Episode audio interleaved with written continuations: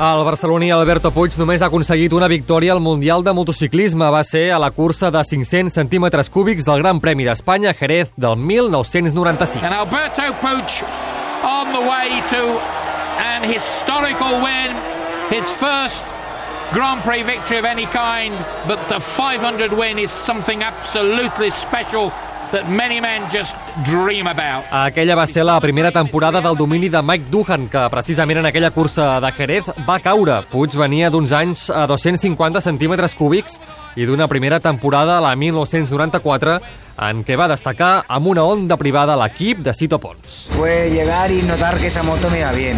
El primer año fue bueno, acabé quinto y notaba que esa moto era mi moto, una moto de 500. Sabía que lo podía hacer mejor que quinto, ¿no?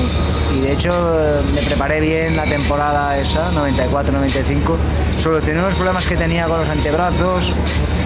Y bueno, la temporada 95 estaba tercero en el campeonato hasta que tuve el accidente, ¿no? Puig va quedar tercer al campionat del 1995.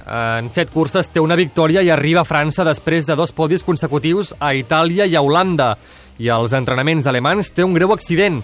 Alberto Puig li dona la volta a qualsevol raonament i per ell va tenir la sort de no matar-se. Sí, la suerte de que no me maté. Eso es como yo lo leo. Porque me caía 280, 270, me encontré contra un muro.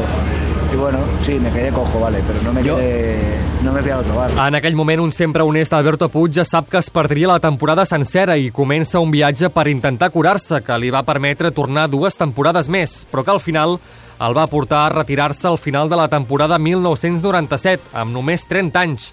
Puig va passar més de 20 vegades pel quiròfan per aquella lesió.